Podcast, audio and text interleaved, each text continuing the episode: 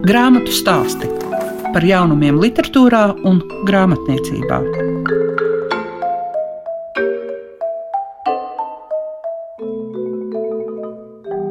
Esiet sveicināti visi tie, kas šobrīd klausās grāmatu stāstus. Un šīs dienas raidījumā jūs dzirdēsiet Lindu Nemieru, kuru iepazīstinās ar savu 11. grāmatu Rīgas Raganes, kur ir gan pilsētas fantāzija, gan arī kriptoromāna elementi. Un vēl Inese Žune, saviņoti mūzikā.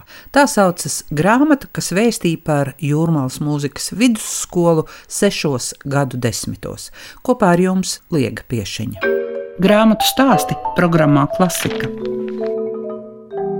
Ja mēs runājam par Lindas nemieras grāmatu Rīgas ragans, tad zināmā mērā tā ir ekskursija par Rīgu. Tur diezgan precīzi var izstaigāt tās vietas. Un tomēr tam visam ir klāta fantāzija, kas tāds, kas parāda, ka pasaule nav plakana. Lindai tā ir 11. grāmata, bet es jums gribu pajautāt, cik grāmatas jūs izlasījāt pirms tam, lai varētu tapt Rīgas raganas, jo te ir arhitektūra, vēsture, nu te ir ļoti daudz kas. Ui, skaitu precīzi nepateikšu, bet tiešām ļoti daudz. Un uh, ne tikai grāmatas, es arī apmeklēju arhitektūras profesoru Jānu Krastiņa lekcijas par pilsētvidas attīstību, par Rīgas plāniem, arī Jāņa Borga lekcijas par jūgenstilu. Ļoti interesants, bet tas vēl bija tad, kad varēja klātienē kaut ko apmeklēt. Noskatījos ļoti, ļoti daudz raidījumus ielas garumā. Paldies viņu radošajai komandai par veikto darbu un izpēti. Un, protams, visi resursi Nacionālajā bibliotekā tie bija manēji.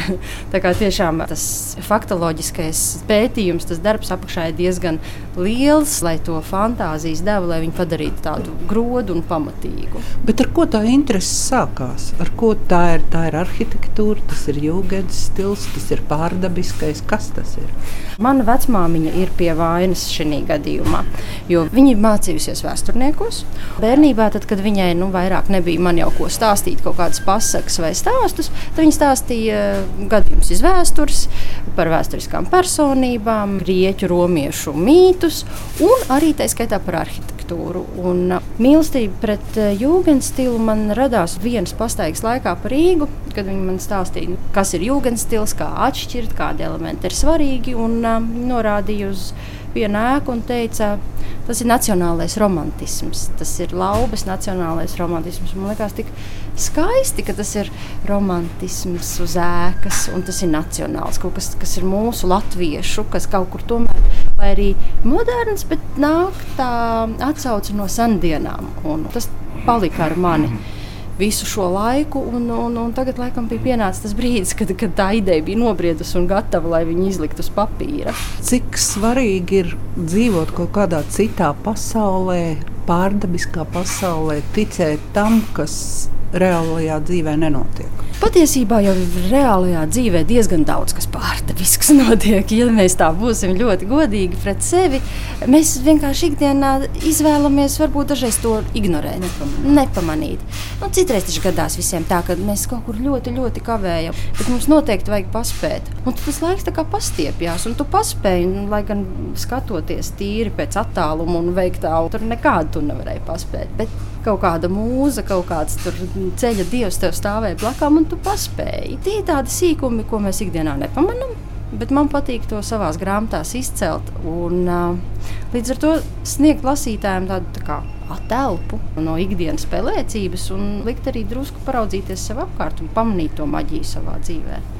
Nu jā, tas, ka jūs piedāvājat gan šos arhitektu, pētnieku stāstus, īsus teikumiņus, tas, ka jūs aprakstāt šo Rīgas galvas dažādos stāstus, tajā visā jūs savalkat kopā to ļauno un labo.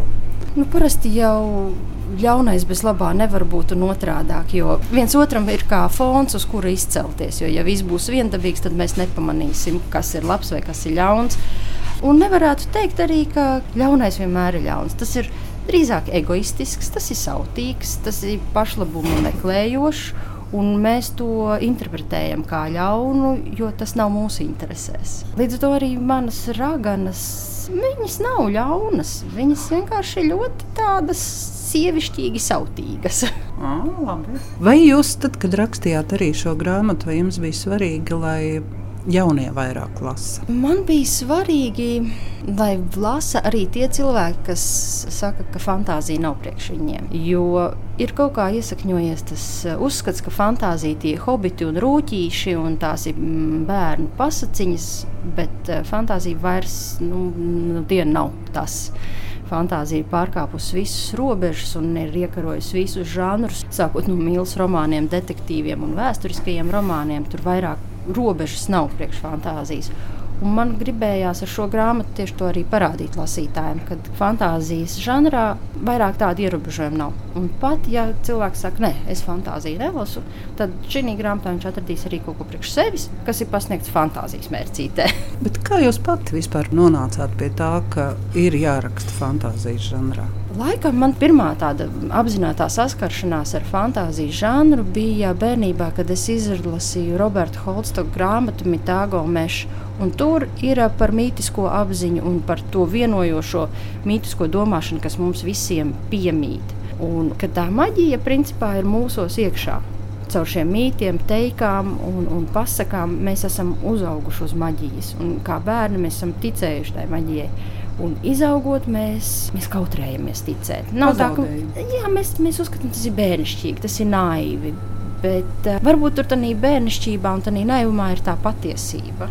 Un man vienmēr ir gribējies kā, aicināt cilvēku atgriezties pie tā naivuma, pie tās ticības, jo līdz ar to zūd eh, kaut kāda ierobežojuma. Tad viss ir iespējams. Tas sniedz lielu brīvību. Man caur fantāziju gribās sniegt šo brīvību lasītājam. Nu jā, kaut vai šī ģimene, galvenās varonas ģimene, viņi taču piedāvā pilnīgi visu spektru. Nu, es domāju, ka mums katram ģimenē ir tā, ka katrs no ģimenes locekļiem ir ar savu pienesumu kopējā katlā, kas ir katram ir kaut kādas nedaudz atšķirīgas spējas. Jā, šī melupu ģimene ir ar drusku varbūt tādām īpašākām spējām, zīlēšanu, gaišredzību, ar spēju atrast priekšmetus, lai gan nu, šī pēdējā spēja sameklēt visu, ko man liekas, piemīt katrai sievietei, kā zināms, mājās, kas ir galvenais atbildīgais par lietu sameklēšanu un zināšanu, kur kas nolikts. Lūk, bet jā, man tā mēlupa ģimene, viņi ir tādi, viņi ir īpašāki. Mums laikam vajadzētu vēl apspēlēt šo vārdu maģija vai maģisks. Jūs arī manas grāmatas eksemplārā ierakstījāt, lai sagādā maģiskus mirkļus. Kas jums ir pašai maģisks mirklis?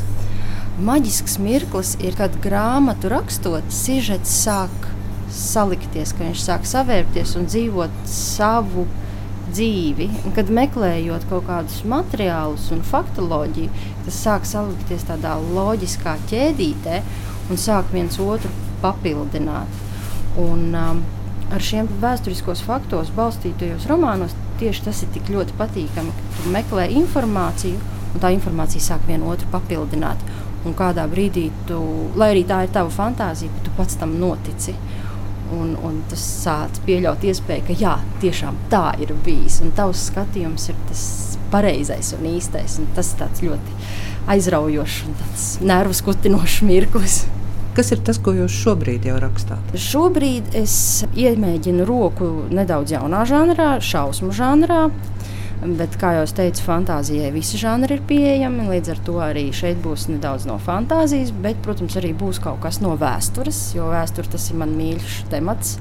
Un, um, ja tā palasa vēstures grāmatu, tad tur šausmas un fantāzijas pietiekās ļoti daudz grāmatām un sižetiem.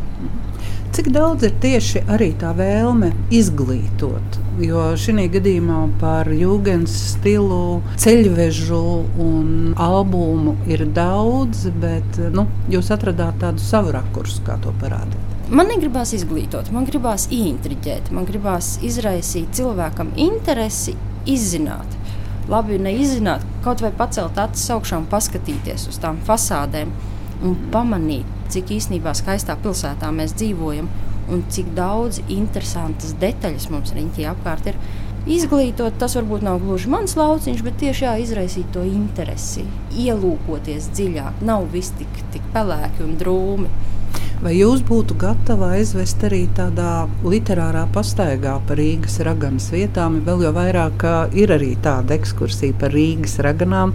Tur gan tas aspekts ir uz rāts laukumu vietu, kur viņas ir savu laiku atvadījušās no reālās dzīves. Ar lielāko prieku, jo tā būtu iespēja ne tikai kā, izstāstīt savu viedokli un savu redzējumu, bet dzirdēt arī atpakaļ to atgriezenisko saiti, kā cilvēki citi to redz un izjūt un izprot. Jo daudz kas arī ar jūgas dekoriem ir ne tikai tas, ko mēs uztveram ar redzi, bet arī tās, kādas emocijas mūsos tas raisa. Tas būtu interesanti. Jā. Kas ir tas, ko jūs pati šobrīd lasāt, ko jūs varat ieteikt citiem? Šobrīd es lasu Džatlovu pārēju Jo šis ir arī viens noslēpums, kas man ļoti intriģē, lai gan protams, nu, ar vēsu prātu apsmadzeņojot visu, nu, liela noslēpuma nav. Visticamāk, pie vainas bija tiešām ļoti dabiski apstākļi. Bet uh, vienalga, šis noslēpums man intriģē. Jūs vispirms skatījāties filmu, un tad pēc tam? Nē, Ģetlova pārējai īstenībā mani interesē jau pēdējos, nezinu, 10, 15 gadus, un ik pa laikam es iemetu aci un paskatos, kas ir jauns atklāts un ko jaunu uzraksta. Un, uh, un tad, jā, šī filma iznāca. Tieši tiešām kvalitatīvs, interesanti. Un grāmatu piesaistīja man interesi tieši tas, kad bija latviskais tulkojums, bet eh, es lasu oriģinālu valodā. Var uztvert un izjust to autoru domu. Tā kā interese jau ir sena, bet tagad ir kaut kā tāds sācinājums. Jā. Grāmatu stāsti tiem, kam grāmatu lasīšana ir vērtība. Šīs dienas grāmatu stāstos mēs pievērsīsimies muzikālajai grāmatai. Tā es gribu apgalvot par Ineses Žunas saveļņoti mūzikā, kas ir stāsts par Jūrmālas mūzikas vidusskolu sešos gadu desmitos. Ines, kāpēc tā interese bija pievērsties tieši Jūrmālas mūzikas vidusskolai? Mani vienkārši uzaicināja Gunta Liepiņa, kas ir skolas direktore. Mēs kādreiz kopā darbojāmies Jūrmalniekos, tas ir folkloras ansamblis. Viņi zināja, ka es esmu rakstījis par Emilu Dārziņu mūzikas skolu. Par to es zināju daudz, jo tur es pati esmu mācījusies un visu manu ģimeni mācījusies. Bet jūrmalniecis esmu bijusi, tikai neesmu bijusi šajā mūzikas skolā. Jūrmalā es faktiski pavadīju visu savu bērnību un jaunību. Un tagad es dzīvoju Pārdaugavā, bet pirms tam es dzīvoju Jūrmalā. Tādēļ man bija tāds it kā skats no malas, un ir jau tā ar tām skolu un arī augstskolu grāmatām, ka tur parasti visi grib, lai saliek visu. Tipiski. Jā, Un tas ir arī saprotams, jo ja reiz skola ir saņēmusies izdod grāmatu, tad viņi grib, lai tur arī tiktu atspoguļot visa tā bagātā dzīve, kas neapšaubām ir. Gan pedagoģi, nodaļas, audzēkņu panākumi. Bet tas ir arī ļoti grūts uzdevums. Vieglāk gandrīz ir rakstīt par kādu personību, bet eh, skolu, jo tuvāk mūsdienām, jo arvien grūtāk paliek. Jo katrs grib, lai viņa sasniegumi tiktu atspoguļot. Viņa foto parādītos. Un foto, protams, jā, nu, fotomateriāli materiāls tur bija diezgan bagātīgs. Viņš gan nebija sevišķi sakārtots, bet e, ļoti bagātīgs. Visi arī nāca pretīm un sūtīja arī digitālas fotogrāfijas. Tā kā fotomateriāls ir bagātīgs. Bet šoreiz es gribēju šajā grāmatā parādīt, kā tā skola ir augusi. Jo tas tiešām ir apbrīnojami, ka pirmais direktors Upmats ir cīnījies par tām telpām. Faktiski tās bija vasarnīcas, parastas vasarnīcas, kur visi tur atcerās, kā viņi tur ir saluši. Nu kā, vasarnīca ir vasarnīca, viņi jau bieži nav apkurināmi. Un tā tad tur ir bijuši pavisam mazas telpas, sākuši pieci pedagoģi un 25 audzēkņi. Un tas vispār ir izvērsies tā, ka tagad mēs redzam tādu ritīgu kultūras pildu dubultos. Kultūras centrs. Jā, nu, kultūras centrs un mākslas skola un mūzikas skola un telpas ir skaistas, gaišas, ļoti labi aprīkotas. Un prieks, ka tomēr nu, tā var uzplaukt, jo tur ir ļoti daudz audzēkņu audzēkņi. Ja citas skolas sūdzas, ka nu, ir diezgan maz, nu, kā mēs zinām, mums demogrāfiskais stāvoklis ir, ir eh, nesevišķi labs eh, Latvijā, un uz muzikas skolām arī vairs nav tādi konkursi kā agrāk, bet tomēr jūrmālu nekad nevar sūdzēties, ka viņiem trūktu audzēkņi.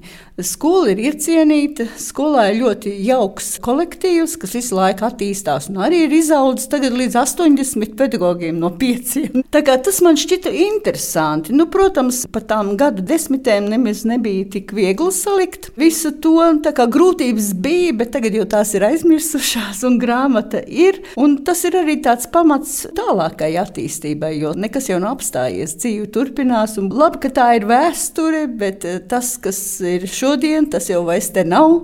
Nu, faktiski dzīve raksta jau nākamo grāmatu. Jā, tas ir grūts uzdevums, jo parasti tāda skola arhīva arī nav ļoti sakārtot, jo tur nemaz nav tāda persona, kas nodarbojas tikai ar arhīvu un viņa kārtošanu. Bet pretim nākšana bija ļoti liela un visvairāk pateicība, protams, tiem ilgadīgajiem pedagogiem, kas tur strādā un strādā vēl joprojām, pat 45, 50 gadus. Jā, tā sadarbība bija jauka. Varbūt mazliet tas Covid kā parasti traucēja, jo tad tur ir karantīna, tad nav karantīna. Bet nu, es esmu priecīga, ka ir tas gala rezultāts. Viņa nav pārdošanā, šī grāmata, viņa ir faktiski skolas lietošanā. Viņa dāvina viņu saviem absolventiem un citiem cilvēkiem, kas tur ir darbojušies. Tas ir viens tāds apkopojums, tas ir pamats, lai kādreiz virzītos tālāk, jo vismaz tas sākums ir apkopots. Nu, arī 20. viņu jubilejas gads tas ir atspoguļots. Kā ir salīdzinot, ja mēs runājam par personībām un laiku?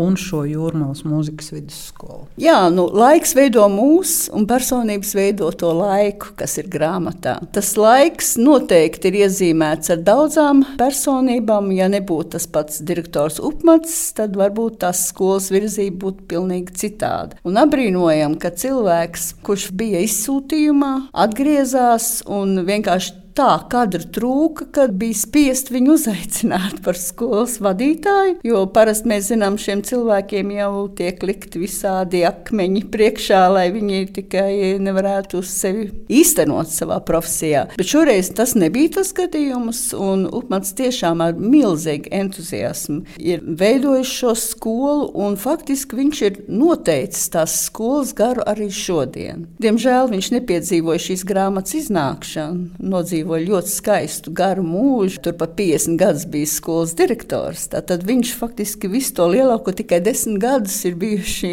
citi direktori, kas arī ļoti daudz ir darījuši un faktiski viņa laiku centušies turpināt. Protams, attiecīgi mūsdienām. Bet es domāju, ka Jūrmālas skolas šis laiks ir viņa veidots un par to ir tiešām arī ir tur pateicīgi visi. Un tā tas turpinās joprojām, jo visu laiku viņa vārds tiek pieminēts, kā viņš būtu darījis, kā viņš būtu domājis. Tad, tad tomēr tā personība arī var noteikt to laiku. Nu, laiks aizved mūžībā šīs lielās personības, un tas nosaka cits aspekts. Bet tas, ka personība veido laiku, kurā mēs dzīvojam, un kurā veidojās skola un tās darbība, tas nu arī fakts. Cik tālu jūrmalas mūzikas skola kādreiz bija no jūras, jo arī tas nosaukums saviļņoti, man liekas, ka te ir gan šī jūras klātbūtne, gan arī tā saviļņojuma sajūta, ko mūsos rada māksla, arī skaniskā māksla mācoties, mācoties muzicēt, mācoties dzirdēt. Jūra ir ļoti tuvu skolai, vienmēr bijusi. Tās vietas ir mainījušās, faktiski dubult ir tā stacija jūrmalā, kur vistuvāk ir jūra, kur faktiski satiekas Lielupe un jūra,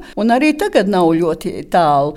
Majoros šajā savrūpmājā, kur ilgus gadus bija skola, tur arī dzirdēja jūru šalcam. Tā kā tā jūra un tas, kad starpbrīdī var aizskriet līdz jūrai, paskatīties, kas tur labs notiek. Un e, šīs šalkas tās būtībā arī ir pavadījušas šo mūzikas skolu. Tādēļ arī tas saviņojums, lielāks vai mazāks, ko mēs vērojam jūrā, tas arī pārējie cilvēkos. Vai tāpēc arī tas nosaukums tāds? Ir? Es domāju, ka arī tāpēc ir šis e, nosaukums, jo tas parāda, ka jūra uzbango kaut kādas emocijas, vai jaukas, vai netik jaukas, bet tās ir bangas, lielākas, mazākas. Un tāpat arī mūzika saviņo, vairāk vai mazāk, bet saviņo. Un tā ir tā līdzība ar to jūru un, un arī ar to cilvēku būtību. Un tā bija arī šis saviņot mūzikā, tas bija moto arī visam jubilejas gadam.